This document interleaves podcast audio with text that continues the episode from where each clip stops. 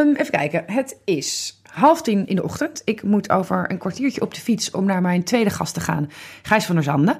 Gijs is journalist voor onder andere het Algemeen Dagblad en FD Persoonlijk. En daarnaast werkt hij aan zijn eerste boek. Een boek dat niet geheel ontoevallig over rouwen gaat. En dat begin volgend jaar uit zou komen. Maar daarnaast zijn Gijs en ik ook gewoon vrienden. We kennen elkaar nu een paar jaar. En ik weet eigenlijk niet meer zo goed hoe we elkaar kennen. Dat zal wel door gemeenschappelijke vrienden zijn. We, we gaan het hebben vandaag over hoe het is om een groot deel van je volwassen leven op te moeten groeien zonder ouders. Want Gijs verloor allebei zijn ouders plotseling en niet lang na elkaar. Hij was wees op zijn 23ste. Ehm, ik verheug me erop om Gijs te zien. We zijn het altijd heel erg met elkaar eens over nou ja, bijna alles. En we herkennen heel veel, herkennen heel veel in elkaar. Ehm, we hebben het nou, het is niet een onbekend onderwerp voor ons, dit. En we hebben het er wel eens zijdelings over gehad, maar niet zo uitgebreid als dat we dat nu gaan hebben. Ehm, dus daar, ja, daar verheug ik me eigenlijk wel op. Ook gewoon omdat ik het altijd leuk vind om hem te zien. Ehm, ik ga mijn spullen pakken en uh, op de fiets.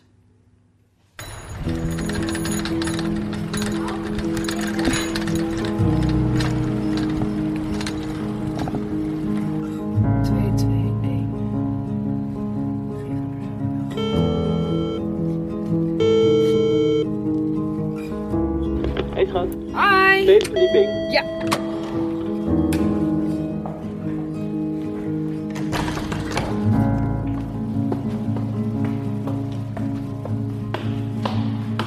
Hey. Hallo!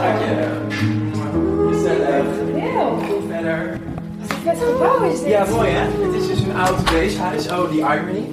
Maar...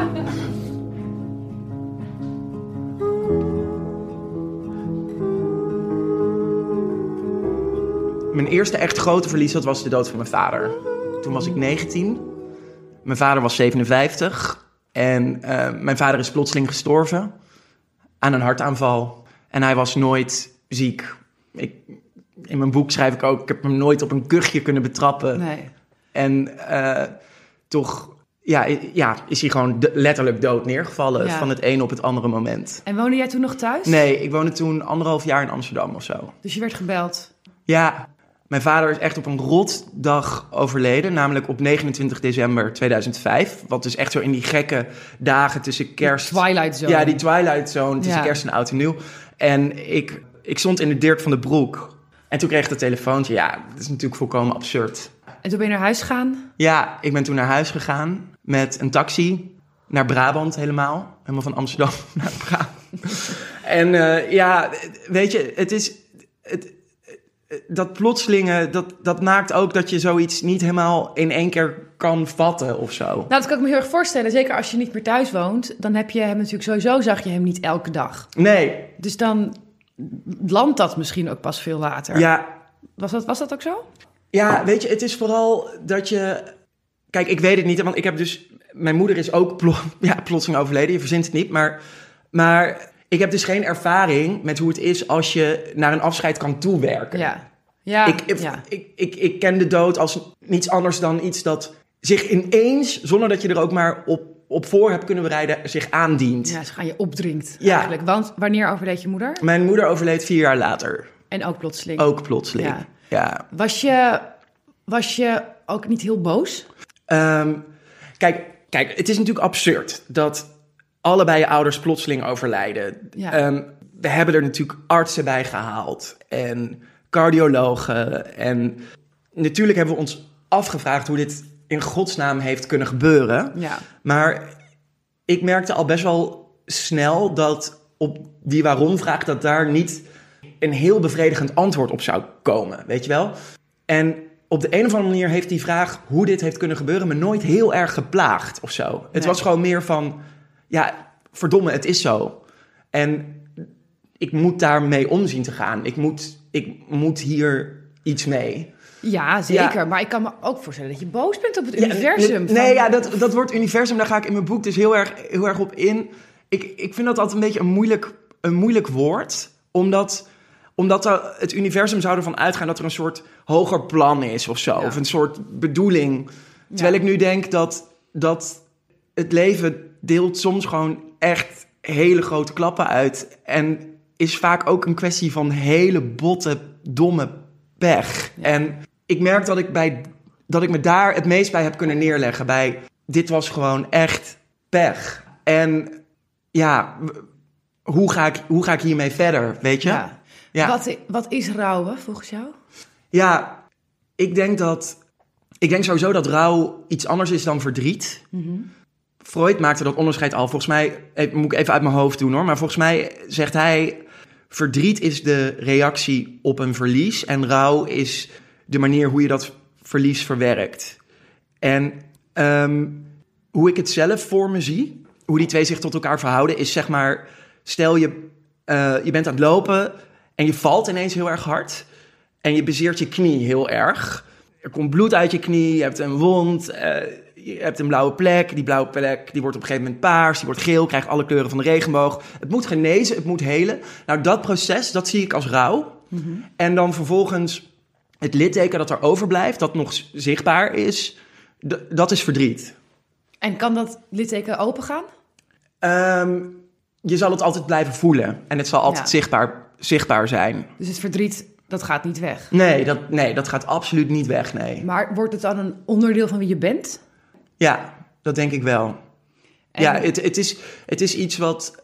Rouw is denk ik, vind ik dan, hè, dat, dat, dat laat zich echt niet negeren. Dat is, Ja. dat is ja, bijna een soort fysieke pijn die, die niet te verdoven is. Dus Ja. die, die eerste dagen, daar zowel de dood van mijn vader als mijn moeder. Ja, je kan gewoon aan niks anders denken. Het is overal, waar je ook kijkt. Ja, En een soort omgekeerde verliefdheid. ja, ja. ja, ja, ja. Nou, Ja. Zo, zo is het inderdaad vaak, Ja. vaak eh, beschreven. En dat vind ik een heel goed gevoel. Het is een soort hunkering naar waar je nergens mee naartoe kan, zeg maar. Dat, dat lijkt dan alsof dat gevoel nooit meer voorbij gaat. Maar nou ja, mijn ervaring na zowel de dood van mijn vader als van mijn moeder... is dat dat wel... Die absolute niet te negeren pijn... die gaat wel gelukkig wel, wel weg. Ja. En wat blijft er dan over? Ja, een, een diep missen. Een, een, een diep eh, verdriet van, Ja.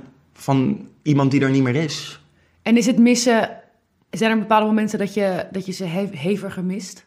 Ja, wat ik altijd wel grappig vind is dat eh, mensen zijn soms geneigd om dan... Hè, overigens, als mensen er al naar vragen... maar goed, daar kunnen we het zo nog wel even over hebben. Maar bijvoorbeeld rondom de kerstdagen of zo... zeggen mensen vaak van... oh, het zal, is, is het, het zal wel moeilijk voor je zijn of zo. Ja. Maar gek genoeg vind ik, vind ik dat soort dagen eigenlijk... Ja, oké. Natuurlijk, hè, je ziet op reclames allemaal compleet intacte families. Ja. En, eh, eh, en op Instagram zie je alleen maar eh, vrolijke foto's van mensen die het allemaal ontzettend naar hun zin hebben. Ehm, dus natuurlijk word je wel wat meer geconfronteerd met je eigen verliezen dan. Maar nee, ik mis mijn ouders echt veel meer ehm, door het jaar heen. Kleine dingen. Kleine dingen, maar ook grote dingen. Bepaalde successen of... of bijvoorbeeld, ik mis mijn vader altijd heel erg als er verhuisd moet worden. Want mijn vader was een enorm goede klusser. En ik heb zelf twee linkerhanden. Nou, dat zijn, ik heb zijn gereedschapskist staat hier in de kast. En ik heb wel eens geprobeerd om met zijn gereedschapskist een rolgordijn op te hangen. Of weet ik van, nou, heeft gewoon geen enkele zin. Want, nou, weet je, dat zijn, dat zijn dan van die momenten dat ik echt denk, verdomme, was hij er nog maar, weet je Ja. wel? En ehm, kijk, in, in de levensfase waarin ik nu zit, eh, ik ben bijna 34. ehm, wat, wat je nu gewoon heel erg ziet, is dat de rol die mensen met hun ouders hebben ook veranderd. Dus Ja. Ehm, nou, ik, ik was dus 23 toen ik geen ouders meer had. En toen had ik nog een beetje die afhankelijke relatie van... Nou, of nog een beetje, nog best wel een afhankelijke relatie. Je zijn echt ouders. Ja, exact. Ja.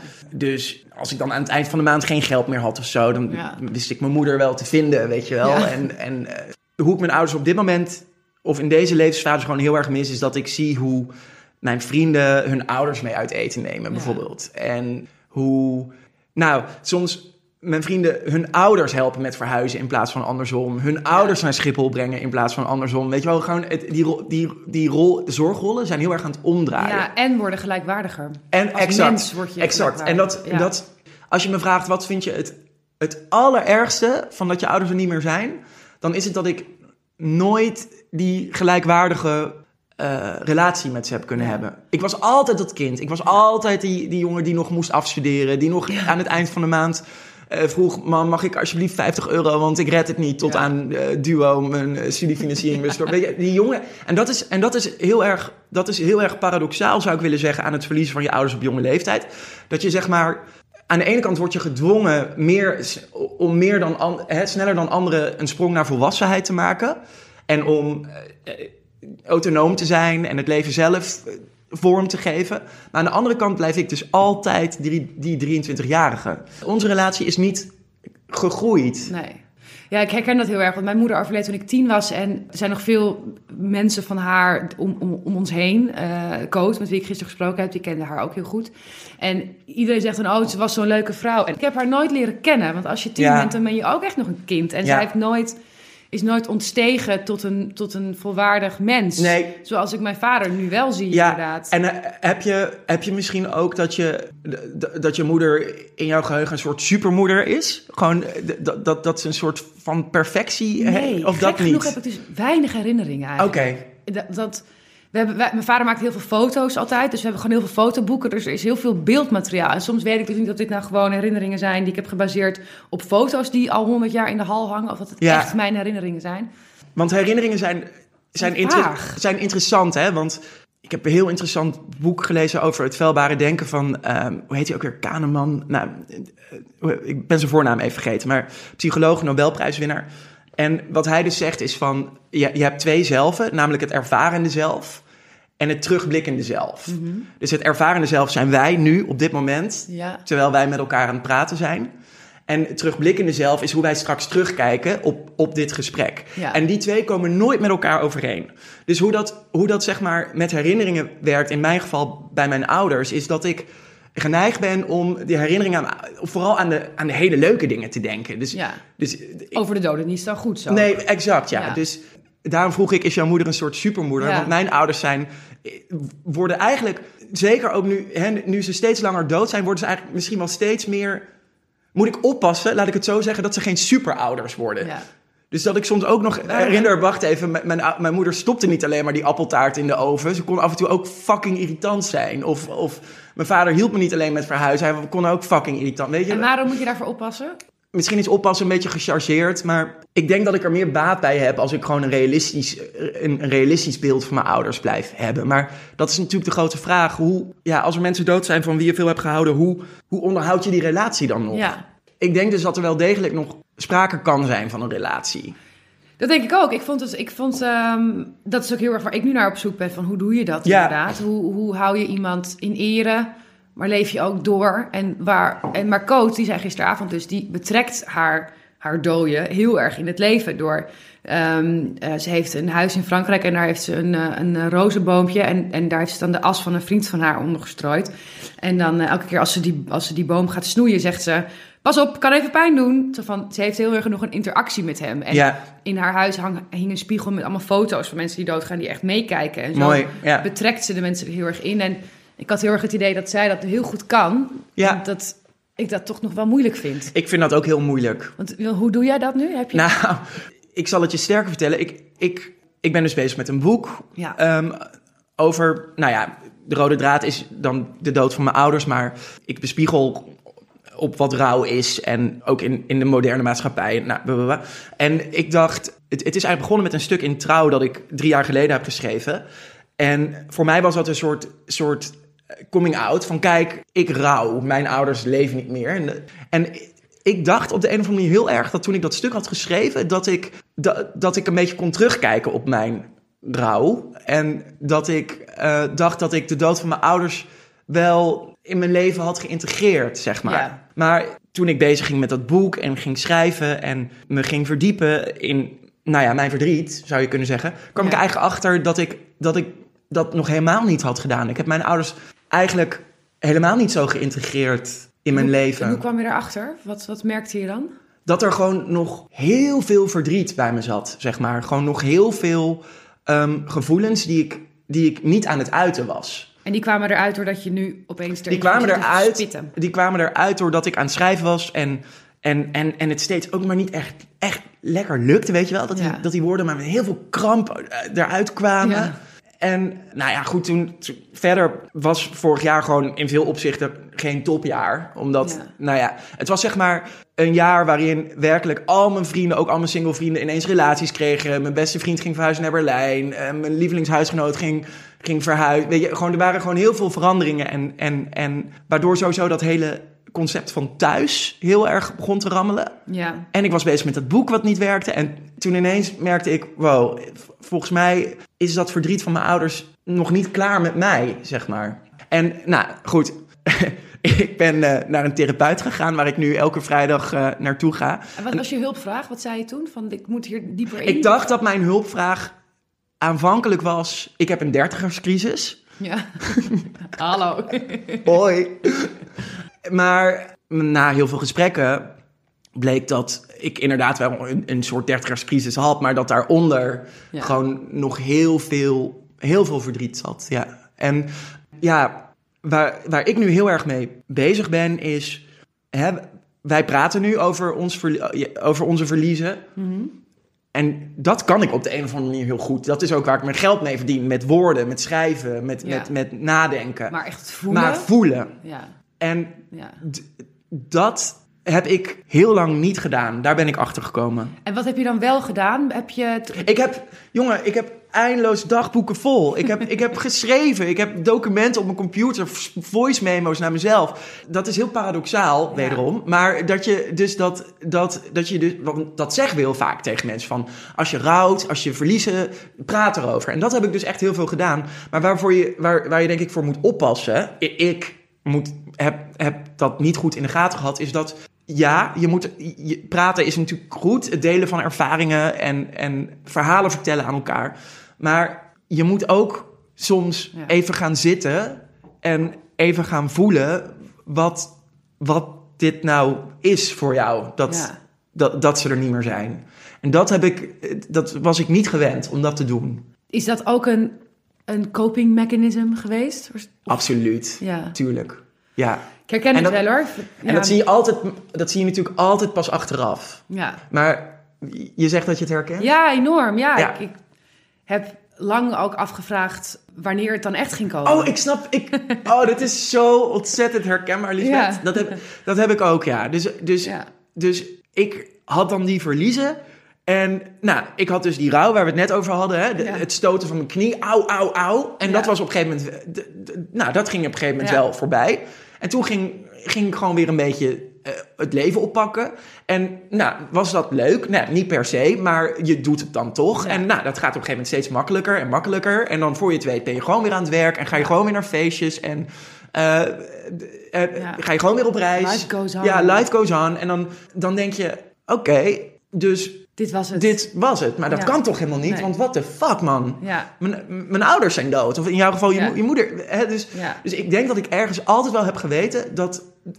Ik haat het als mensen dan zeggen... Oeh, als de klap maar niet later komt. Ja. zo'n ontzettend... Komt nog wel. Ja, komt nog wel. Thank you very much. Maar kijk, er zit natuurlijk wel een kern van... waar Ik, als mensen dat tegen me zeiden... Van, oh, het gaat wel erg goed of zo. Nogmaals, ik vind het een impertinente opmerking. Maar dan dacht ik wel, ja, shit. Ik, ik kan me inderdaad bijna niet voorstellen dat dit het was. Ja. ja, dat denk ik nu ook. Da- Ja. En daarvoor is ook een beetje deze serie. Dat ik denk, want ik, ik had ik, echt flinke rouw gehad in 2018 dat het doodging die zomer. Dat was allemaal tamelijk troebel en eh, Renate. Ja. Ja, dat Renate doodging. Maar nu, eigenlijk in 2019 al, ging het best wel goed. En, en nu denk ik, nou, het, het gaat eigenlijk heel goed met me. Maar hoe kan dat nou? Want nu zijn ze allebei dood. En dat waren de twee belangrijkste vrouwen in mijn leven. Ja. Kan ik dan een jaar later alweer gewoon op mijn benen staan. En Ja, het best voel ik het wel genoeg. Dat heb Ja. ik heel vaak. En ik, ik soms visie, ik heb heel erg, zeker met toen Renate, Renate is lang ziek geweest, anderhalf jaar ziek geweest, dat ik heel lang dat verdriet heb, ge- echt voor me zag ook als, het is een soort grote kamer en in die kamer staat een doos en in die doos zit het verdriet. ik snap En ik kan helemaal om die doos heen lopen en ik kan hem aanraken en ik kan over de doos vertellen. En kijk, hier staat de doos, niks aan en dit zit er in de doos. Maar hij bleef wel dicht. Ja. En er waren momenten dat dat dekseltje van die doos soms een beetje open ging en dan werd ik daar meteen helemaal ingezogen. En dan Ja. dacht ik, ook, oh, dit, dit, is te, dit is te veel, hier moet ik uit. En dan, hup, doosje weer dicht. Ja, ik herken dat heel erg. Die, die, eh, die doos, inderdaad, want dat is ook, dat, dat zijn ook vaak de woorden waarin we over verdriet praten. Hè? Ja. Als iets statisch, van je moet het een plek geven. Ja. En wat geef je een plek? Nou, een doos op zolder, weet Ja. je wel? En daar kijk je misschien dat je af en toe nog naar die zolder gaat... en je doet misschien af en toe even die doos open, blaast het stof eraf. Maar dat is natuurlijk niet, denk ik, een gezonde manier om met verdriet om te gaan. Ik denk eerder dat verdriet iets organisch is, dus dat het leeft. En Mhm. Dat, het, dat, je het moet, dat je het moet laten ademen en dat je er dus ook voor moet, moet zorgen, zeg Ja, maar. Maar hoe doe je dat? Ehm, gek genoeg, in mijn geval, dus niet door er alleen maar voortdurend over te praten. Ja, want Dus, je praat er ook overheen natuurlijk. Nee, dan. exact. Ja. Want, want praten is dus, is dus een manier van rationaliseren. Hè? Ja. En ik denk dus dat dat ook het. Wat is nou zo verschrikkelijk aan rouw? Wat, wat, wat is nou zo erg aan iemand missen? Ik denk dat het zich per definitie niet in woorden laat uitdrukken. Je kun, we kunnen dat proberen hè? en we kunnen er boeken over lezen en we kunnen er boeken over schrijven Podcast over maken. podcasts over maken. En dat is ook heel goed, dat moeten we ook blijven doen. Maar ik denk dat rouw in principe een nou, sowieso hele particuliere en zo'n ingewikkelde, complexe emotie is. Die is niet per, goed in woorden uit te drukken. Dus nou, hoe laat je verdriet ademen? Hè? Ik, daar ben ik dus ook achter gekomen de afgelopen eh, half jaar. Na vele gesprekken met mijn therapeut, die overigens nog steeds niet voorbij zijn. Maar is eh, voelen. Ja. Dus, dus echt soms even. Nou, een goed voorbeeld. Mijn, mijn moeder is 26 september 2009 overleden. En ik ga met mijn zussen eh, elk jaar ehm, dan naar Brabant, naar het dorp waar mijn ouders begraven liggen. En dan leggen we er een bloemetje neer. En dan gaan we nog even bij mijn tante langs. En dan gaan we eten in de bij de Italiaan in Eindhoven, waar we ook altijd met papa en mama naartoe gingen. En dan, nou, en dan zit ik in de trein terug en dan denk ik, oh, oké, nou, dat hebben we weer gedaan. Weet je wel, Ja. de- ik heb hier weer op een mooie rituele manier eh, aandacht eh, gegeven aan de dood van mijn moeder, de dood van mijn vader. En dan kom ik thuis en dan is de neiging, mijn neiging is dan om mijn tas in de hoek te gooien, op de bank te gaan zitten, Netflix aan te zetten of om eh, domme voiceberichten naar mijn vrienden te sturen over hele andere dingen of om, Ja. om, om, om meteen maar weer door te gaan of misschien nog even te werken, nou, you name it. Maar nu weet ik dus dat ik dat niet moet doen. Ja. Nu ga ik dus, als, als ik zo'n dag heb gehad, en dan moet ik mezelf echt aan herinneren, hè, want dat is dus geen natuurlijke neiging. Ga ik op mijn bank zitten en dan ga ik even, oké, nu even voelen. En toen kwamen de tranen. Je moet dat soms een beetje opwekken. Dus, Ja. dus nou, ik heb hier allemaal dagboeken van mijn moeder. Als, als ik me connected wil voelen met mijn moeder, ga ik die, ga ik die dagboeken bijvoorbeeld lezen. Ik steek een kaarsje aan. Ik heb, ben, kom natuurlijk uit Brabant, dus ik heb een deel, voor een deels een katholieke inborst. En eh, ik kijk naar foto's en ja, het voelt soms een beetje kunstmatig of een beetje geforceerd.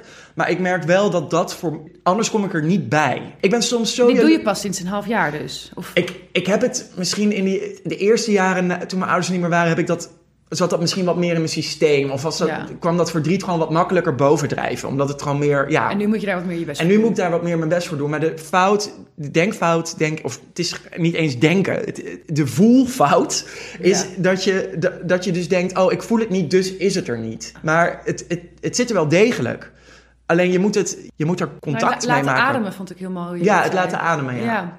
Ja, dat is echt hoe ik het zie. En nou ja, goed. En dus die dag, dus die 26 september, zat ik daar op de hoek van mijn bank. En ja, toen, toen voelde ik echt hoe zwaar het was. Hoe zwaar het is om op je fucking 33ste naar de graf van allebei je ouders te gaan. En Ja. hoe kut het is dat ze er niet meer zijn. Godverdomme, weet je wel. En dat zijn gevoelens die ik heel makkelijk niet voel. En wat ik ook lastig vind van hoe we vaak over rouw praten. Ik heb laatst, of laatst al een tijdje terug, maar dat boek van Sheryl Sandberg. Zij is die topvrouw bij Facebook. Ja, haar man is over. Ja, haar man is plotseling overleden. overleden en zij heeft ehm, een boek geschreven, Option B heet dat, waarin ze eh, vertelt over nou, wat rouwen voor haar was. En heel veel mensen vinden dat een heel goed boek over rouw, omdat het een hele positieve noot heeft. En bijvoorbeeld in dat boek heeft het heel vaak over post-traumatic growth. Dus je, je maakt een verlies mee, maar jeetje, wat zijn we veerkrachtig als mensen. En Klinkt ook heel Amerikaans. ja, het, nee, precies. Het is Ja. super Amerikaans. Het, ontzettend Amerikaans. En dit vind ik dus moeilijk aan hoe we over rouw praten. Dus dat het... We leven natuurlijk in een tijd waarin alles geoptimaliseerd moet worden. In een tijd van zelfverbetering. Ja. En zelfs dus onze verlie- maakbaarheid. maakbaarheid. Ja. Dus ze- zelfs onze verliezen moeten we nog op een of andere manier eh, tot iets maken waar we wat aan hebben. Wat ik een beetje als mijn missie ook zie in mijn boek. En is, is dat we zouden moeten zeggen, of zouden moeten kunnen zeggen: Mijn ouders zijn dood en verdomme. Ik ben Ja. er geen sterker, maar een zwakker mens van geworden. Wat is het erg dat ze er niet meer zijn? Punt. En dat dat oké is. En, en ik denk dat op het moment dat we onszelf dat toe kunnen staan, dat we dan dus veel meer ruimte voor onszelf creëren om het ook gewoon echt erg te vinden. Want Ja. we, hè, we- ik weet niet of je dat herkent, maar het is zo moeilijk om, ook vooral in contact met anderen, om te zeggen hoe shit je je voelt. Ja, zeker. Je, je, je wil altijd toch, je- we zijn toch altijd geneigd om altijd weer, ja, ik voel me best wel slecht, maar komt vast wel weer Komt goed. wel weer goed. Of maar ik ga lekker morgen op vakantie, dus weet je, hè, er moet altijd een soort van, van silver lining zijn of Ja. een soort van stip aan de horizon. En, en maar kijk, dat hebben we ook nodig, hè, die stip aan de horizon. Dus, en die silver lining en zo, d- dat is ook belangrijk. Maar ik zelf heb het als een enorme opluchting ervaren om gewoon tegen mezelf te kunnen zeggen: dit is gewoon heel erg. Toen, jou, eh, ehm, toen allebei je ouders overleden waren, maar eigenlijk ook al bij één, wat, wat was de reactie van jouw omgeving? Hoe, hoe werd erop gereageerd? Ja, nou, toen mijn vader overleed was ik dus 19 en nou, dan ben je echt nog wel piepjong, zeg maar. Ja. En ik, kreeg, ik weet nog wel dat ik veel kaartjes kreeg en... Maar ik, ik weet nog wel dat ik zelf toen ook heel graag snel door wilde gaan. Dus, dat, dus als mensen dan daarover wilden praten, dat ik heel erg geneigd was om te zeggen: nee, ik wil vanavond gewoon een leuke avond hebben of Ja. zo, weet je wel.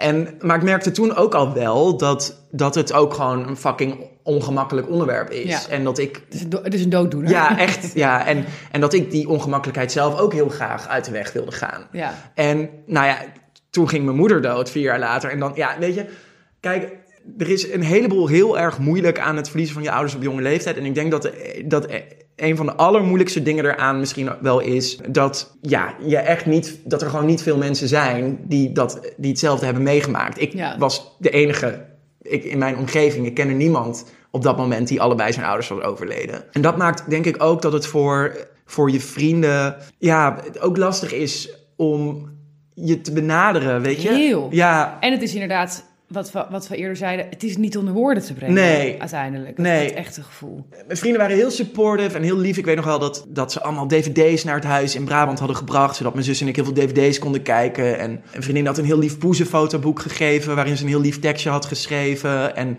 die eerste weken of maanden of zo is dat support system er wel. Het is denk ik, wat ik meer lastig vind... ik weet niet of je dat herkent, is van... wat als die verliezen wat langer geleden zijn, zeg maar. Hoe, hoe praat je er dan over met je Ja. vrienden? En ik doe dat dus bijna niet. Nee, ook niet. Nee, ik heb hier heel lang over nagedacht. Over ehm, dat ik, ik- soms dan vind ik wel eens, kan ik wel eens een beetje, nou, geïrriteerd is een te groot woord, maar wel eens denken van, waarom vragen mijn vrienden hier nooit naar? Ja. Waarom, ook mijn familie, ooms en tantes, waarom, waarom sturen ze me geen, geen, geen berichtje meer op de sterfdag van mijn moeder? Sommigen doen het wel hoor, maar, Ja. maar mensen gaan heel snel voor jou Ja. invullen, voor jou denken. Dus het kutte, denk ik, is dat als je verlies hebt geleden in je leven, dat je zelf ook altijd je behoefte moet blijven aangeven. ja. Terwijl je dat En vaak niet, eens, niet eens door hebt. Nee, je hebt het niet altijd door. Nee, Nee. En, en, en daarbij komt ook dat. dat het, komt, het is ook wel eens voorgekomen dat mensen het dan ineens wel wil, daarover wilden hebben en dan wilde ik het niet. Ja. Op een feestje of zo. Ja. Dus, dus dat is ook een beetje ingewikkeld daaraan. Maar wat ik wel denk is van. Het is ook weer niet helemaal fair, denk ik, om het mensen helemaal kwalijk te nemen. Nee. nee, zeker niet. Nee. Zeker niet kwalijk nemen, maar wel... Ik heb er eigenlijk niet zo bij stilgestaan totdat jij dat nu net zegt. Maar inderdaad van, hé, hey, we hebben het hier Nee, nooit meer nooit. over. Ik ook niet. Nee, het is helemaal nooit. geen onderwerp Nee, het is meer. gewoon geen onderwerp. Ik doe dit nu echt helemaal in mijn eentje. Maar doe je, praat jij bijvoorbeeld met je vader en met je zus, zusje veel over je moeder? Ja, mijn moeder is, is heel levend. En dat, Oh, echt? komt, ja, dat komt echt vooral door mijn vader, want die, die praat heel veel over haar. Oké. En, en soms, hij, zit ook, hij komt ook in deze podcast. Ja, wat over, leuk. Over twee of drie afleveringen. Soms heb ik dat wel te veel gevonden. Dat ik dacht, ja, Oké. maar paps is wel nu gewoon al, weet ik veel, twintig jaar dood. We Ja. moeten niet doen alsof ze nog leeft, want dat is niet zo. Nee. En hebben jullie het ook over ehm, het verdriet van dat ze er niet meer is? Nee. Nee. Nee, over haar en over, over vakanties of zo. Of over Ja, want, want dat herken ik dus. Ik heb dus twee oudere zussen. En nou, wij, wij, hebben, we halen natuurlijk nog vaak herinneringen op aan papa of mama of zo. Maar, Ja.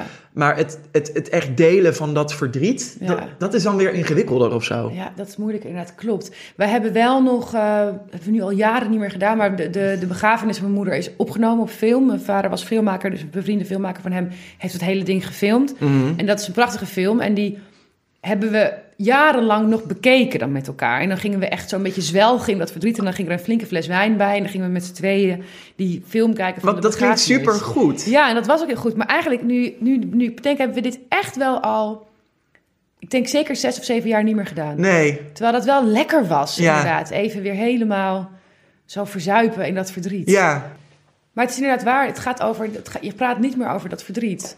Nee, dus je kan, dat is namelijk ook nog een verschil. Hè? Je kan natuurlijk gewoon herinneringen, leuke verhalen vertellen of herinneringen ophalen. Maar de pijn van het missen, zeg Ja. maar. Dat, again, denk ik dus dat dat, dat is zo, zo persoonlijk Ja. of zo. Dat, dat is ook zo moeilijk om dat met anderen te delen. Ja. Maar het is inderdaad De- wel gek hoe dat onderwerp verdwijnt gewoon vanuit uit, uit het gesprek. Ja, en ik vind dat ook zo verdrietig, weet je. Dus Ja. dat, dat, weet je, mijn ouders, weet je, ze stonden echt midden in het leven. Gewoon, eh, hadden een glansrijke carrière, veel vrienden, familie. En Ja.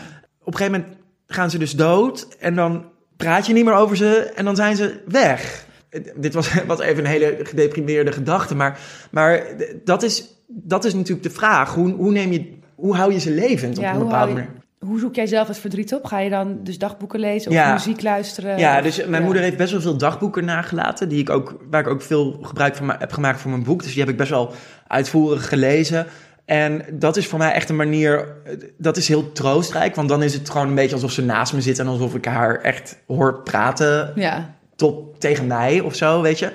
En kijk, mijn ouders zijn allebei doodgegaan in een tijd dat de smartphone nog niet definitief ehm, zijn intrede had gedaan. Dus ik heb best wel weinig audio of video van ze. ja. Wat jammer is. Hoor je hun stemmen nog? De stem van mijn vader was ik echt vergeten. Ja. Hij is al- natuurlijk al bijna 15 jaar dood. Ja. Dus, maar ehm, mijn vader was hoogleraar en hij was dus heel vaak bij promoties. En mijn zus had op een gegeven moment het lumineuze idee... er moeten vast videobeelden ooit een keer tijdens zo'n promotie zijn gemaakt. Dus zij Ja. heeft toen allemaal oud-collega's en promovendi en zo heeft ze allemaal gemaild. En toen kregen we een jaar geleden eh, een bestandje... en toen, toen wandelde mijn vader zo over mijn, mijn computerscherm ineens. Hoe was dat? Ja, heel apart. Want ik had hem dus letterlijk al, al 14 jaar of zo niet meer ja, in beweging beeld Ja. gezien, nog zijn stem gehoord. Heel vervreemdend. Heel erg vervreemdend. Heb je dat vaak bekeken? Ik vond het bijna chockerend of zo. Dus ik, ik, ik heb dat niet heel vaak bekeken. Nee. Waarom chockerend? Ja, omdat het zo, omdat ik me misschien wel chockerend, omdat het zo voelbaar weer werd wat ik had verloren. Weet je? Dat, dat ik, En dat wilde je dan niet voelen? dat Ja, moment? dat was dan misschien weer de reflex of zo, Ja. van dat niet voelen. Maar Ja. ik ben heel blij dat ik het heb. Dus dat, Ja. ik, dat, ik, eh, dat ik dat aan mijn archief kan toevoegen, zeg Ja. maar. Eh, Jong rouwen, jong verliezen tekent je voor altijd. ja, voor de rest van je leven. Ja, het daar, daar, daar, ben ik, daar ben ik ook steeds meer achter gekomen. Ik, Heb je een idee hoe dat bij jou is gegaan? Hoe het je heeft gevormd? ja, ik, dus toen mijn moeder ook was overleden, weet ik nog, toen was ik dus 23 en ik wilde, ik stopte ontzettend veel energie in niet zielig gevonden wilde, willen worden. Dus ik wilde niet Dat heb je nog steeds een beetje, toch? Ook met kerst en zo, als je wordt Ja, uitgenodigd. klopt. Het is, Ja. het, is een, het is een neiging van me. Ja. Dus die, maar wel een neiging waar ik me tegenwoordig meer bewust van ben. Dus, Ja. dus eh, ik wilde niet bekend zijn als een jongen zonder ouders. En ik wilde niet dat die verliezen mij zouden tekenen, weet je wel. En Dat je eh, identiteit zou ja, dat het mijn identiteit zou bepalen. En nu, ook nu het wat, wat langer, is geleden, langer geleden is en ik wat meer terug kan kijken, Mhm. kan ik... Het, het heeft me wel degelijk getekend, weet je. Ja. Het, het kan, het kan gewoon niet anders. Alleen nu ben ik weer wat ouder en volwassener. En ik kan dat wat beter op een wat rustige mani- manier naar kijken. Ik kan, ik kan dat erkennen voor mezelf. Dat kon ik toen nog niet. Maar kijk, er zijn meer dingen. Ik bedoel, ik ben ook schrijver en journalist. Dat is ook een deel van mijn identiteit. En ik Ja. hou van katten. Dat is ook een deel van mijn Ja. identiteit. Groot deel. Heel groot deel. Dus, dus dat kan ik nu ook wat rustiger, Ja. wat, wat rustiger naar kijken. Ik denk niet dat het mij in alle facetten van mijn leven definieert. Maar wat ik, wat ik wel denk is dat onder heel veel problemen die ik in mijn leven tegenkom, zit altijd die dubbele bodem. Dus hè, waar, waar ik het net over had, die dertigerscrisis waar ik vorig jaar dus in zit, zat. dan is er toch altijd weer van... Ja, en mijn ouders zijn er niet om me hierbij te kunnen helpen. Of om me in raad en daad bij te kunnen staan. Ja. Dus, dus uiteindelijk zijn heel, is heel veel shit altijd... Mijn ouders komen altijd wel weer om de hoek kijken. Op Ja. een of andere manier. Daar hoef ik niet eens heel creatief voor te zijn. Dat, Nee. dat, dat, dat is gewoon zo. Maar heeft het bepaalde dingen in jou veranderd? In je Eh, ja. karakter? Of in Ja, ik denk dat ik. Wacht even, ik wil, wil even nadenken over hoe ik dit ga formuleren. Want, want, want ik denk dat we. Hè, je, gaat al heel snel dus eh, praten in termen van Sheryl Sandberg, waar we het net over hadden. Dus post-traumatic growth. eh, het- nou, ik denk dat het me. In, ik weet nu van mezelf dat ik dus kennelijk dit soort verliezen kan dragen. Dus eh, dat het echt super kut is en dat ik het niemand aan zou raden. ja, maar dat ik. Cannot recommend. Nee, nee, precies. Maar dat ik, het, dat ik het dus kennelijk wel aan kan. Ja. Dus, op, dus op een bepaalde manier zou je kunnen zeggen: ja, mij, mij, kom maar op. Kom maar op. Ja, mij krijg je er niet Ja, onder. weet je, dus, dus ja, misschien heeft het me inderdaad kranig gemaakt. Ik weet niet of je dat herkent, maar ik, ik zie ook in mijn vrienden en kennissen, en ik zie een heel duidelijk onderscheid altijd. Het is bijna alsof ik het in de blik van iemand kan zien wie er shit in zijn leven heeft. Oh, Met, Absoluut. Gewoon wie, Ja. wie, er, wie er shit in zijn leven heeft meegemaakt en wie niet. En ik, Ja. ik haal ze er zo tussenuit. Ja. Ik, bij wijze, we hoeven daar nog niet eens gesprekken over te voeren. Je, je merkt het gewoon aan iemand. Ik voel me ook altijd heel erg verbonden met die mensen. Dat heb ik ook bij jou trouwens. Gewoon, je, je ziet gewoon... je- Ja, oh nee, absoluut. Ja, er, gaat een heel, er is een heel hele dimensie aan het leven bijgekomen Ja, als je iets echt hebt meegemaakt. Ja, En precies. dat Dus- merk je nog en, aan. en je zou dat, hè, als je in positieve termen zou willen praten daarover. Als je er dan toch dus iets positiefs over zou moeten zeggen, dan heeft het misschien voor een verrijking van mijn leven gezorgd. Omdat ik denk dat het, dat het, dat het me een ehm, nou, kraniger, maar, maar ook een bedachtzamer mens heeft, heeft, Ja. heeft gemaakt. Of voor, ik, ik, Gelaagd. Gelaagder. Ja. Ja. ik kan ook naar verhalen van mensen luisteren en dan over verlies en dan echt voelen en snappen waar ze het over hebben. Ja. Ja, dus ik voel me inderdaad eigenlijk altijd wat meer dus verbonden of meer op mijn gemak bij mensen Ja. die, die ook di- dingen hebben meegemaakt. En als ik dan bijvoorbeeld weer op Instagram foto's zie voorbij komen van hele intacte gezinnen of mensen die allemaal, dan voel ik ook, eh, ja, dat is dan dus ook coping, maar ook een soort bijna verhevenheid van, "Ha, ik hoef dat niet Nee, of zo. weet je wel. heb ik ook, ja. ja. ja, ja, ja, ja. Maar natuurlijk wil je dat wel. Maar Ja. ja, ja dat, is, dat is lastiger. Dat, dat is gewoon lastiger aan. En zeker ook in je, in je, in je vriendschappen, in je liefdesrelaties. Ja. Ja, daar heb ik de oplossing ook nog niet voor, voor gevonden. Ik weet ook niet of die er is, maar het is wel, het is inderdaad, in ieder geval heel herkenbaar. En ik, heb het, ik, ik had ook heel erg gemerkt toen ja, eh, dat, dat rouwenden elkaar heel snel gevonden hebben. Ja, Dat ik als, ik, als ik zei van nee, ja, of, of eh, eh, nee, iemand is het overleden, of eh, nee, ik werk even niet, want ik, eh, ik zit gewoon even niet zo. Dan de reactie die ik daarop kreeg, wist ik meteen aan iemand of, jij, of diegene wel of niet ook het had meegemaakt.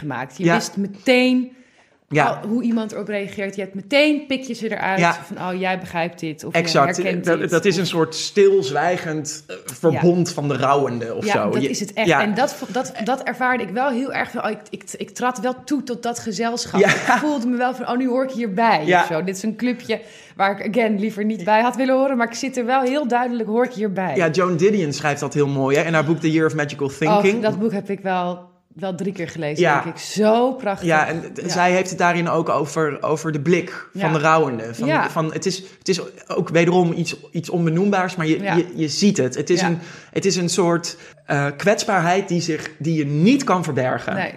Maar nog even over, ook, ook over reacties hè, van, of hoe je omgeving daarmee omgaat. Wat ik zelf altijd heel erg prettig heb gevonden, is als mensen open vragen aan je stellen. Zoals? Nou, bijvoorbeeld nog even dat, dat voorbeeld met kerstmis of, of december. Je kunt zeggen, en dat is wat heel veel mensen doen... oh, dit moet wel verschrikkelijk moeilijk voor je zijn. of je kunt vragen, goh, hoe, is dit hoe is dit eigenlijk voor je? Ja, En dat is zo'n enorm verschil. Ja. Ik voel veel meer ruimte om te zeggen, ja, het is af en toe best wel moeilijk. Als, als, het, als, ja, als ik daar gewoon mijn, ja, mijn eigen invulling aan die vraag kan geven. Maar Ja. als inderdaad iemand gaat zeggen, oh, ik moet wel heel moeilijk van, dan ga je meteen weer downplayen, weet Ja. je? Wat zeg je eigenlijk als mensen die je niet kent vragen van... hé hey Gijs, wat doen jouw ou- ouders eigenlijk? Of zo? Of waar wonen je ouders? Of... Ja, dat, dat, is, dat is dus heel ingewikkeld. Dat Ja. is ook met name wat ik de eerste jaren na mijn ouders dood verschrikkelijk moeilijk vond. En zo moeilijk dat ik soms ook er overheen lulde of zei... oh nee, mijn ouders zijn een beetje ingewikkeld. Eh, Maar anyway, zo. Ja, ja, ja. Ja, gewoon omdat ik de ander zich niet ongemakkelijk wilde laten voelen, mezelf niet ongemakkelijk. Maar wat ik dus, wat ik dus tegenwoordig meer doe. Dates zijn echt classic hierin. Dus ik, ik, ik voel gewoon altijd, ik heb altijd die tijdbom bij me als ik een nieuwe Ja. jongen tegenover me heb. En Er komt natuurlijk op een gegeven moment die vraag van. Hey, van- wat- en wat doen je ouders? ja. En kijk, misschien komt het ook doordat ik. Doordat het nu allemaal wat langer geleden is. En, eh, en ik zeg nu gewoon, ja, mijn ouders leven niet meer. En dan is het als in mijn positie als journalist en schrijver nog best wel fijn. Oh, ik heb er trouwens een artikel, eh, allerlei artikelen over geschreven. En een boek is, eh, komt eraan, dus eh, hier. Ja, huiswerk. Ik verwijs je naar. ja, nee. Nee, maar goed, het blijft ongemakkelijk. Het, Ja. het blijft ongemakkelijk. En ik denk niet dat er een goede manier is om het te doen. Veel Nee. hangt ook af van, van de reactie van de ander. Ik zeg wel eens. Wat, wat is een fijne reactie? Wat ik, ja, ook hier weer, als, kijk, ik heb wel eens gehad van mensen die stel achterover vielen en niet wisten wat ze moesten zeggen. Nou, bij een date had je dus meteen, oké, afgeschreven. Ja. Wederom, als mensen het erkennen en, en er een vraag over stellen, de, ja, dat, daar haal je, het is best wel ook weer een manier, het klinkt een beetje hard, maar om het kaf van het koren te scheiden, zeg nou, maar. dat klinkt heel, heel, heel, heel valide, want het is gewoon zo. Eh, Ja, ja. ook fijn dat je dat ook vindt. Ja, Ja, tuurlijk. Nou, als iemand nee, uit de weg gaat vanaf begin af aan, dan gaat ja, het nooit wat ja worden. precies. Maar soms vind ik ook weer lastig soms om daarin mijn koers te bepalen. Want soms, ik heb ook wel periodes gehad dat ik daarin wel heel hard was voor andere mensen. Weet je wel? Dat ik dacht, oh jij kan niet met de dood van mijn ouders omgaan, nou dan hoef ik jou niet. Weet je wel? Gewoon heel boos. En Ja. Ik zal nooit vergeten, mijn moeder was toen drie maanden dood. En ik, ik eindelijk weer eens zin om een keer uit te gaan. Ja. Ehm, en toen ging ik naar. ehm, misschien was het de Trut op de Bilderdijkstraat of zo. Ik weet het niet meer precies. Maar ik had moed moeten verzamelen om daar weer naartoe te gaan. Want ik wist dat er best wel veel ook mensen zouden zijn die dat dan wel of niet van me wisten. En verdomme, wat moet ik dan zeggen als ze vragen hoe het met me gaat? Nou, best wel veel mensen bleken dat dan inderdaad wel te weten. Dus er waren mensen van, goh, hoe gaat het? Maar er was ook één jongen die, die dat dan wist. Die liep naar me toe en hij begon vreselijk te huilen. Ja, want hij vond het zo erg voor me. En toen ontstond er de fucking rare situatie dat ik, die net na mijn vader ook mijn moeder had verloren, die jongen aan het troosten was. Dus dat ik zei, ja, het is ook heftig, hè? En nou, dat is toch de fucking omgekeerde wereld. echt. echt. Nee, dat kan. En ik ben toen ook zo aan mezelf voorbij gegaan door, door, door, die ander te- door het ongemak bij die ander weer te proberen Ja. weg te nemen. Ja. Ik weet het niet 100% zeker meer, want ik heb, ik heb daarna nog wel even met hem daarover gepraat. En volgens mij was hij ook gewoon bang om zijn eigen ouders te verliezen. Ja. Dus hij zag in mij, in mijn ogen, zag hij zijn diepste, Zijn grootste angst. zijn angst, zijn grootste angst. Ja.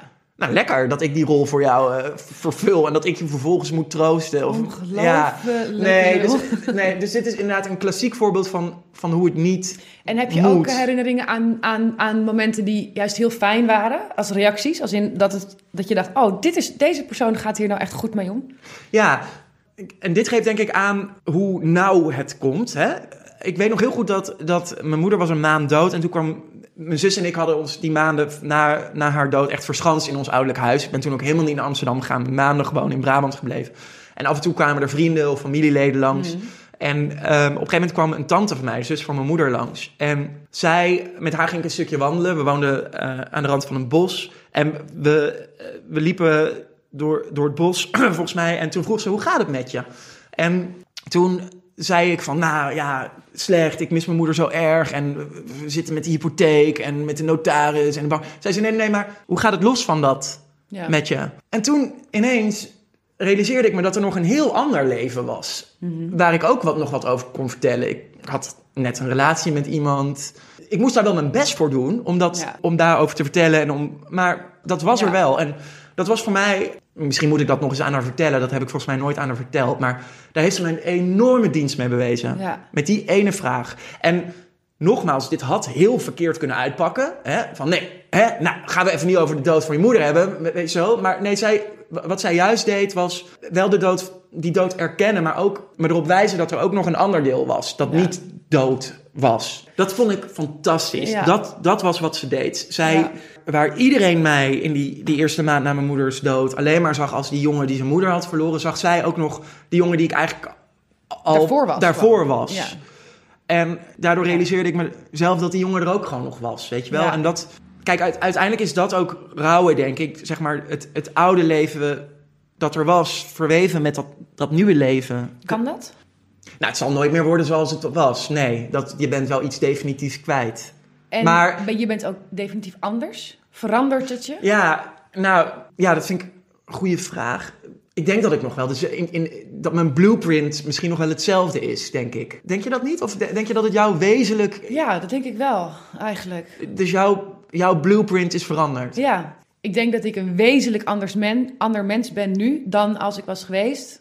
Als mijn moeder. Ja, dat denk ik eigenlijk ook wel. Dat denk ik eigenlijk ook wel. Ja. Maar misschien wat ik bedoelde was, ik vond nog steeds dezelfde dingen leuk. Ja, ik vond nog steeds manier. misschien meer, meer wat op een soort oppervlakkig. Ja. Ik, denk, ik denk dat ik in de ogen van anderen misschien niet. Nee, klopt. Nee, dat denk ik ook. Nou, ik, dat, dat, ik, Renate is nu nog te kort dood, denk ik, om daar op die manier echt op terug te Ja. kijken.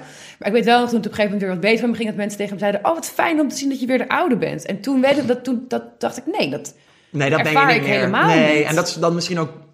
Dat is ook een verkeerde woordkeuze. Ja, dat- toen, maar daardoor realiseerde ik me van: Oh ja, maar wacht eens even. Nee, ik word nooit meer de oude. Nee. Ik ben echt een nieuwe. Ik ben echt iemand anders. Ik ben echt ergens doorheen gegaan en eruit gekomen. En ja, wel als een ander iemand. En ja, niet helemaal, ik kan het niet zo goed onder woorden brengen waarom dan en wat er dan. Ik vind ook dezelfde dingen leuk als daarvoor en dat soort dingen. Maar toch heb ik het idee, oh, het heeft me wel wezenlijk geraakt. ja wat, hoe ik het denk ik meer zie als ik, als ik even Er is een extra verdieping bijgekomen. Nou, dat denk ik meer. Dus, dus, dus ehm, ik probeer me even te visualiseren. De, het, ik denk dat je, je bent nog dus, ik denk dat ik nog dezelfde ben, maar er zijn, er is iets bij gegroeid. Ja, ik denk dat zeker mijn moeder, toen was ik natuurlijk zo jong, dat dat wel ervoor heeft gezorgd dat ik soort van denk van, nou, dan maar alleen of zo. Dat die enorme drang naar zelfstandigheid Ja. ook wel komt door van, ja, maar ja, uiteindelijk gaan ze allemaal dood. Dus je kunt het maar beter met jezelf goed Ja, dat heb ik, dat- precies. Dat, dat heb ik ook Ja. heel erg overgehouden aan de dood van mijn ouders. Dus een soort enorme zelfstandigheid. Ja. En, en Dat is het enige waar je op aan kan. ja, kan. ja, precies. Ja, heb ik ook. En die autonomie, daar ben ik heel blij mee. Daar ben ik ook wel trots op, denk ik. Ja, Dat ik, dat ik het allemaal zelf doe en dat ik niemand anders nodig heb. ja. Maar daardoor ben ik ook, ik geef die autonomie ook heel moeilijk uit handen, zeg ja. maar. Ja, ik hang heel veel van mijn ide- identiteit op aan het feit dat ik autonoom Ja. leef en eh, eigen alleen boontjes op doen. reis en Ja. solo reizen. Ja. En, Ja, inderdaad. Ja. Ja. Voor jou staat het ook heel erg... Ik heb er onder- een soort van mijn werk van gemaakt. Maar, maar soms denk ik, oh ja, maar ik ben zo stabiel in mijn eentje. Maar op het moment dat daar iemand bij komt, vind ik dat heel moeilijk. Ja. Zeker op het vlak van liefde. exact Ja. Hetzelfde. En dat denk ik, dan denk ik, ja, zit dat in mij als in, dat is gewoon hoe ik ooit geboren ben? Of is dat toch wel een beetje gekomen door wat er allemaal is gebeurd? Misschien is het niet zo zwart-wit. Misschien, misschien is het, Ja, oh wa- ja. was, het al, was het al aanwezig en heeft dit dat nog, nog Ja. meer getriggerd of zo. Dat, dat is- denk ik dat het bij mij Ja, dat is logischer ook Ja. eigenlijk wel. Ja. zo, zo is gegaan. En, ehm, maar ik herken dat. Ik, ik vind het... Ja, ik vind het allemaal wel... Nou, vind ik het prima in mijn eentje? Dat weet ik niet zo goed. Maar ik, het, het, het gaat in ieder geval wel goed af, zeg Ja. maar. Ja. Ik ook. Ik vind, wel, ik, ik vind het vaak heel lekker alleen. En ik weet dat ik, dat ik goed ben in mijn eentje. En dat, het- dat allemaal, dat, dat, dat lukt me en dat kan ik. Maar niet voor de rest van mijn leven wil ik dat. nee. Dus ik heb wel zoiets van, nou ja, nu, nu, is, nu is het all fine. En ja, ik ben 31 en alle tijd. En ooit zou ik het wel heel leuk vinden Ja. om wel een partnerschap te sluiten met iemand. Maar dat moet ik dan wel kunnen. Ja, maar misschien komt dat dan wel op het Dat, moment. Zeker, en ik ben daar ook niet nu dan angstig voor of zo. Maar wel, ik heb dat ook wel een beetje dat ik deze podcast ging opnemen. En dan wel heel erg in mijn oude dagboeken ging en zo. Een beetje dat gevoel terug ging proberen te halen. Dacht ik, oh ja, maar wait a minute. Dat ontzettende zelfstandige willen zijn. Dat komt natuurlijk ook gewoon doordat je verlies hebt meegemaakt. En denkt, daar wil ik me voor wapenen. Door dan in ieder geval het zo op de rails te krijgen. Dat als er nu iets wegvalt, of dat er niemand weg kan vallen. Maar dat als dat dan gebeurt, dat ik dan niet 100, ontspoor. 100 procent. Ik, toen mijn moeder overleed is en toen had ik kering met een jongen die nu mijn allerbeste vriend is. En we zijn toen nog twee jaar samen geweest en daarna ging die relatie uit. Mijn schoonfamilie was toen heel erg ook voorzienend en heel, heel erg lief voor mij in die periode na mijn moeders dood. En ik zag dat weer als een, als weer, dat, nou, dat Weer was gewoon weer een verlies. Ja.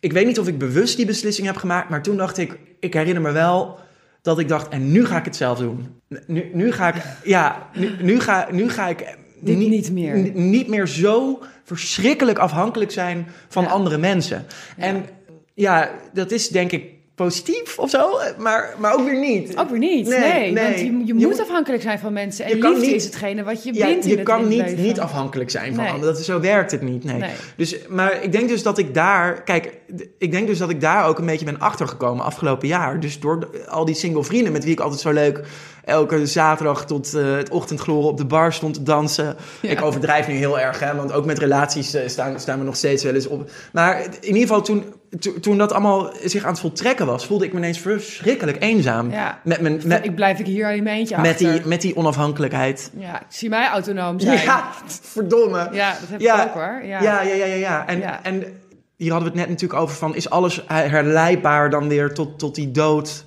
van in jouw geval je moeder en Renate... en in mijn geval, ik denk toch best wel veel wel. Ja. ja, daarom. Ik denk Ja, ook dat het wezenlijk onderdeel wordt denk, van wie je ik, denk, bent. ik denk dat dit toch, hè, dat onafhankelijke...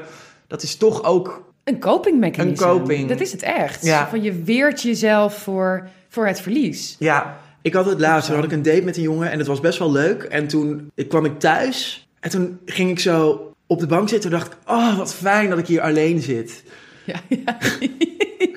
En, en aanvankelijk dacht ik, oh wat lekker, ik doe het allemaal zelf. Eh, Een positief gevoel. Maar meteen daarna, of na een paar seconden daarna, dacht ik, shit, dit is, ik weet niet hoe gezond dit is. Nee.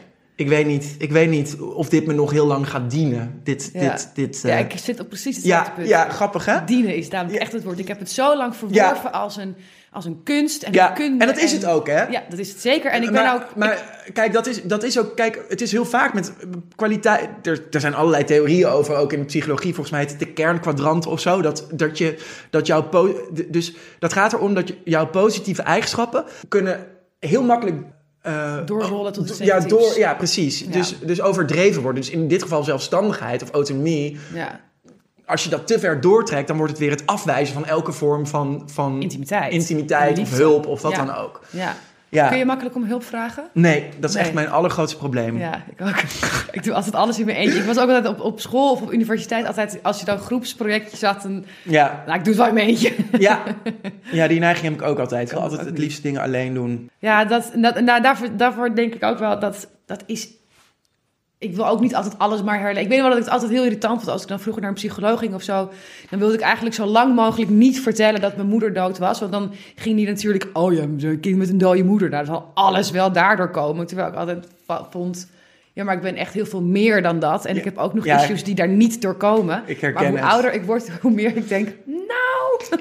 Wanneer, eigenlijk wanneer ik vorig jaar ook daarachter kwam dat, dat ik dus met een dieper liggend probleem zat, was ik, eh, ik wilde mezelf, ik ging even een maand mezelf eh, opsluiten in een schrijfhuisje in Limburg. Ja, eh, om aan mijn boek te kunnen werken. En dat was echt letterlijk in het uiterste puntje van ons land, eh, op de grens met België. En het was heel moeilijk om daar met het openbaar vervoer te komen. En Ja. nou, ik heb wel een rijbewijs, maar ik durf, durf niet in een, nou, hetzelfde wat jij hebt. we durven niet te schakelen. Nee, ik durf niet te schakelen.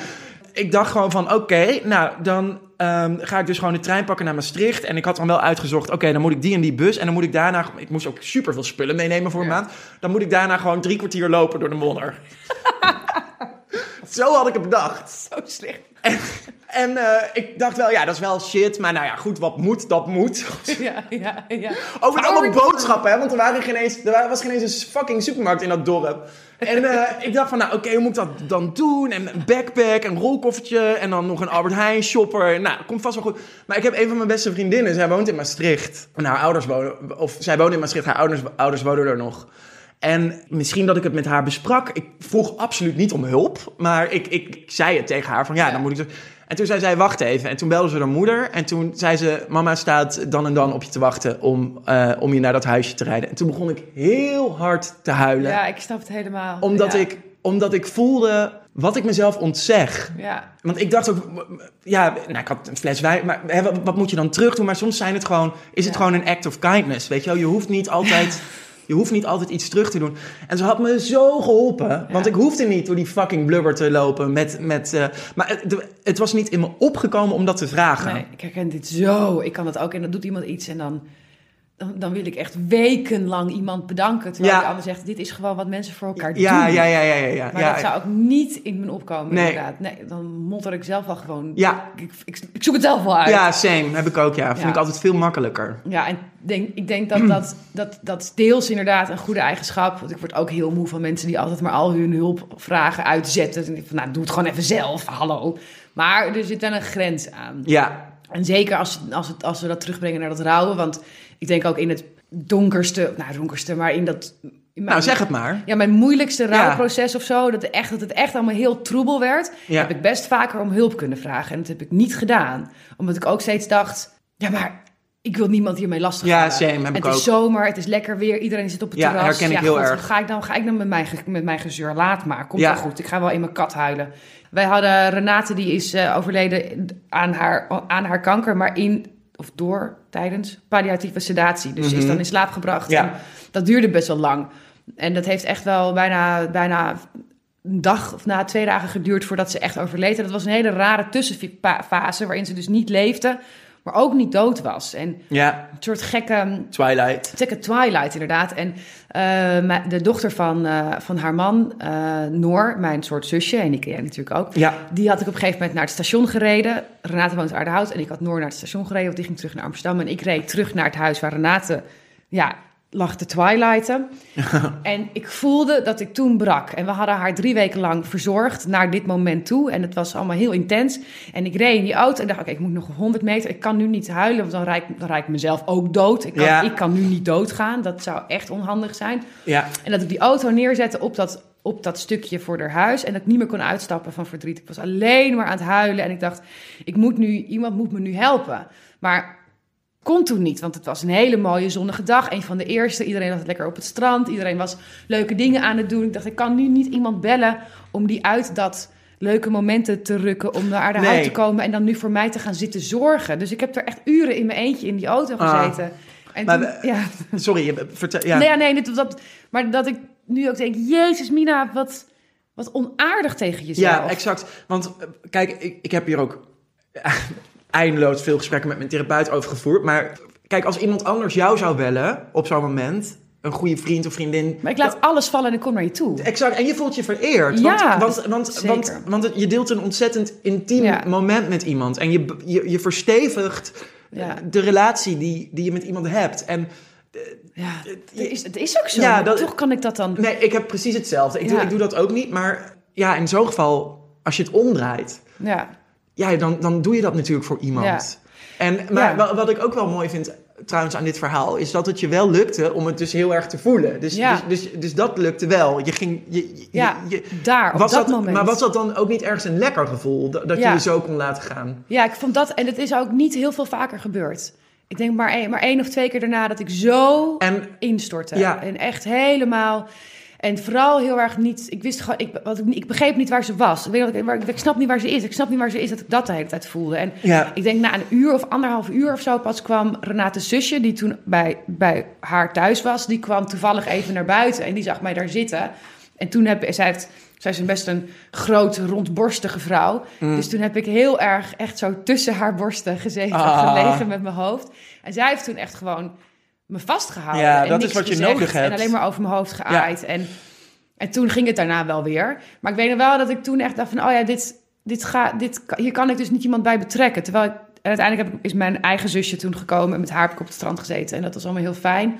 Maar getroost worden. Jezelf getro- laat, je laten, laten troosten. troosten. En dat, dat moet je wel doen. Ja, Je moet het niet alleen willen doen. Nee. Het gaat gewoon niet. Nee. En ik, het is nu het is gegaan zoals het gaat. Het is gegaan en ik heb er niet echt per se erg spijt van. Maar ik denk wel, als ik dan... Nou, misschien wel een advies aan een luisteraar. Laat je troosten. Laat, Ja, absoluut. la- voel dat. En als je het voelt, voel dat ook met anderen erbij. En laat iemand toe. Ja. sta jezelf toe dat je huilt waar anderen bij zijn. ja ik dat heb ik bijna nooit Nee, gedaan. Ik heb het ook nooit gedaan. Toevallig had, had ik het laatst een keer met een goede vriendin van me. Toen, ook na heel veel drank, kon ik me helemaal laten gaan. Eh, Een beetje Ja. vergelijkbaar met wat jij nu eh, vertelt. En dat was voor het eerst sinds ik me kan herinneren dat ik me door iemand heb laten troosten. Ja. En ik heb, ook heel vaak, ik heb dat ook heel vaak ge- gerationaliseerd. Van ja, wat kunnen en andere mensen nou voor je, voor je doen? Ze snappen Ja. toch niet wat je voelt. Of weet je, dat soort Ja. dingen ga je dan... Je moet het toch ook alleen doen? Heel hard is dat eigenlijk. Ja, hè? De- ja, heel hard. Ja, ja, Ja. ja. Maar het was zo ja, troostrijk. Zo fijn. Ja, En inderdaad ook, het, het, verdiept je relatie, het verdiept de relatie met diegene met wie je dat doet. Exact. Dat is absoluut zo. En het is raar, want ik heb, andersom heb ik inderdaad... Ik bel me midden in de nacht en ik kom nu naar je toe. En dat is ook wel eens gebeurd door vrienden die dan ook... En ik, ben, ik, haal, ik haal heel veel eh, ook, ik ontleen ook echt een deel van wie ik ben, of vooral wie ik wil zijn, door dit te doen. Door heel erg degene te zijn die er voor de ander is. En Ja. ik wil je heel erg helpen. En terwijl ik het andersom dus dan niet kan. Nee, dat is... eh, Ja, En zeker nou ja. niet als het om verdriet gaat. Dan Nee. doe ik dat echt in mijn eentje. Dat is Ja, echt voor mij. En ik trek me ook terug. En ik heb die hele zomer voor- alleen op mijn kamertje met mijn kat. Are you me? Ja, precies. Terwijl dat, ja, Ja, dat, ja, ja. dat had ik toch anders moeten doen, denk ik. Ik had dat meer willen delen Ja, als ik erop terugkijk. nou dat, dat, dat, ja, dat, dat weet je dan dus nu. Ja, ja. ja. Ja, dus bij de volgende die, ja. die er de vierde vijf uitgaat. Maar ja, ja, voelen en hulp om hulp kunnen vragen. ja, Dat is denk ik wel, dat zijn dan de lessen. ja. Ehm, ja. Met name dus ehm, als het al wat langer is geleden. ja, Dan, kijk, in het begin kun je niet, denk ik niet ontsnappen aan dat voelen wat jij beschrijft in die auto. Maar zorg ervoor, denk ik. Ik ben niet zo heel erg van de praktische tips trouwens. Maar als ik dan toch, dan denk ik van zorg ervoor dat je toch ook iets bedenkt voor jezelf, waardoor je het kunt blijven voelen. ja. Ja, En, en, je, en daarmee hou je ze ook bij je. exact. Dat is het. Ja, dat klopt. Ja, goeie. ja. Iemand is pas dood als er niet meer over die Ja, gepraat het wordt. grootste cliché dat er maar bestaat, maar het is waar. meest ware cliché. het is echt wel heel erg waar. Ja, Volgens mij zijn we, We wel zijn een er, hè? beetje- Ja. ja.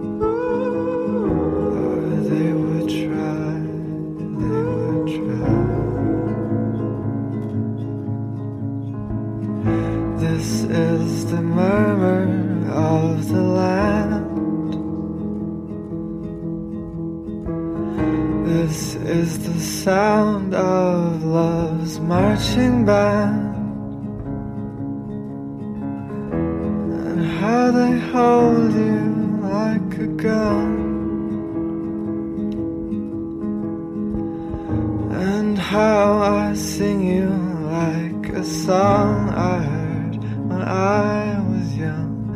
And buried for a night like